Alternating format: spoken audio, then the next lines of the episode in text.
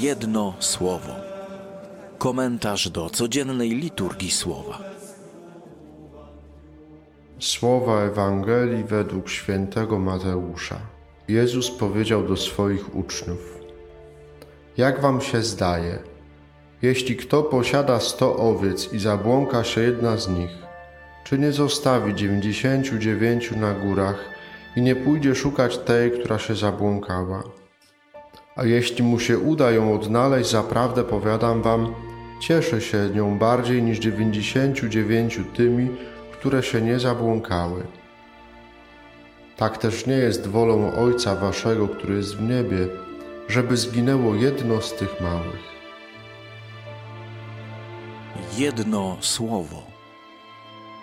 Trzy takie dosyć trudne obrazy, trudne do przyjęcia y, dla współczesnego człowieka, jeżeli się rzeczywiście tym słowem by przejąć y, i odnieść je do siebie. Pierwszy obraz, o którym mówi dzisiaj y, prorok Izajasz, to obraz niewolnika. Czytamy fragment z drugiej części księgi proroka Izajasza, tak zwanego Deutero albo drugiego Izajasza, e, który prorokuje narodowi wybranemu, który jest w niewoli babilońskiej, wyzwolenie. Ale teraz jest niewolnikiem. To jest ten pierwszy obraz. Obraz kogoś, kto jest w niewoli, niewolnika. Kogoś, kto potrzebuje wyzwolenia. Dlaczego trudny? No proszę pomyśleć o sobie jako o niewolniku. Wtedy, kiedy e, w takich czasach, w których w takiej kulturze, która cały czas mocno akcentuje naszą wolność, e, która bardzo mocno rzeczywiście gdzieś akcentuje ten fakt tej osobistej, indywidualnej wolności w każdym możliwym aspekcie. A Słowo Boże mówi: Jesteś niewolnikiem. Drugi obraz to obraz e, trawy i kwiatów polnych. Wystarczy jedno słowo, powiew wiatru, i to, to, ta trawa usycha. Ten kwiat więdnie. Dlaczego trudny?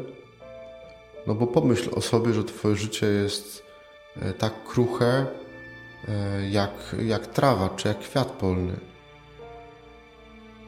To nie jest zbyt jakaś optymistyczna perspektywa, nie? że raczej się będąc w modli o tym nie myśli, wprost przeciwnie.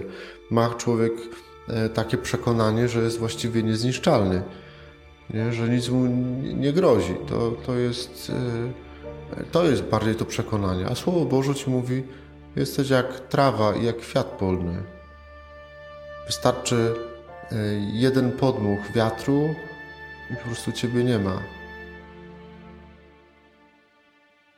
Już nie mówiąc o tym, że, że ten wiatr po prostu ugina, przygina tę trawę, e, czy nawet łamie te kwiaty. Jeden podmuch wiatru. Nie jest to zbyt pozytywna perspektywa. No i trzecia, trzeci obraz, o którym mówi Pan Jezus y, w Ewangelii, to jest ta zabłąkana owca. Y, w czasach, gdy i w kulturze, która mówi Ci, że, że zawsze masz rację, przyznać się do tego, że jestem kimś, kto pobłądził, kto nie ma racji, kto gdzieś szedł na manowce y, i, no i którego po prostu trzeba szukać, no to też nie jest to zbyt miłe do, do, do przyznania się do tego. Takie trzy obrazy. Bardzo z jednej strony banalne, ale jeżeli je odnieść bardzo osobiście do siebie, no to, no to myślę, że bardzo przejmujące. Dlaczego? Dlatego, że one pokazują po prostu, jaka jest moja autentyczna kondycja mnie jako człowieka który żyje tu i teraz. Że jestem niewolnikiem moich grzechów, nad którymi może i pracuję, ale sam nie potrafię się z nich wyzwolić. Że nie jestem niezniszczony, nie? Że, że po prostu wystarczy właściwie moment i mnie nie ma tu.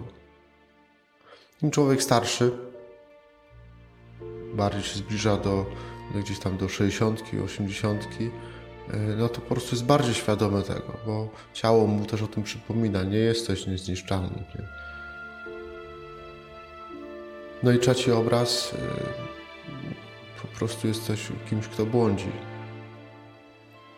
Nie ma co udawać, że zawsze masz rację, bo nie masz racji, po prostu. Czasami żyjesz po swojemu, yy, błądzisz, najzwyczajniej w świecie błądzisz. I choć te trzy obrazy są trudne, jak się je odniesie rzeczywiście do, do siebie, weźmie się, człowiek przejmie tym, tym słowem, tymi obrazami, to jednak one pokazują moją kondycję, prawdę o mnie. I trzeba jakby przyjąć te trzy obrazy, bo tylko wtedy jest możliwe to, żeby Pan Bóg mógł zacząć działać. Tylko wtedy, kiedy uznam, że jestem po prostu człowiekiem słabym, to jednocześnie uznam, że potrzebuję kogoś, kto jest o wiele mocniejszy ode mnie. Że potrzebuję Pana Boga. Jeżeli tego nie uznam, to będę żył w takiej iluzji, że Pana Boga nie potrzebuję. Można całe życie tak przeżyć. Można całe życie tak przeżyć. Tylko jeśli zaakceptuję to, że pomimo wszystkich darów, które, e, którymi Pan Bóg mnie każdego dnia obdarza, pomimo tego piękna, które we mnie złożył, jestem słabym człowiekiem, grzesznikiem, który błądzi, który jest kruchy, to dopiero wtedy, yy, dopiero wtedy potrafię zaakce- za, zaakceptować i przyjąć to, że potrzebuję Pana Boga. I to w tym momencie jesteśmy w centrum Adwentu. Tego, co się dzieje w Adwencie, o co tu chodzi. Oczekuję przychodzącego Boga, wyglądam go, wychodzę mu na spotkanie, dlatego że go potrzebuję.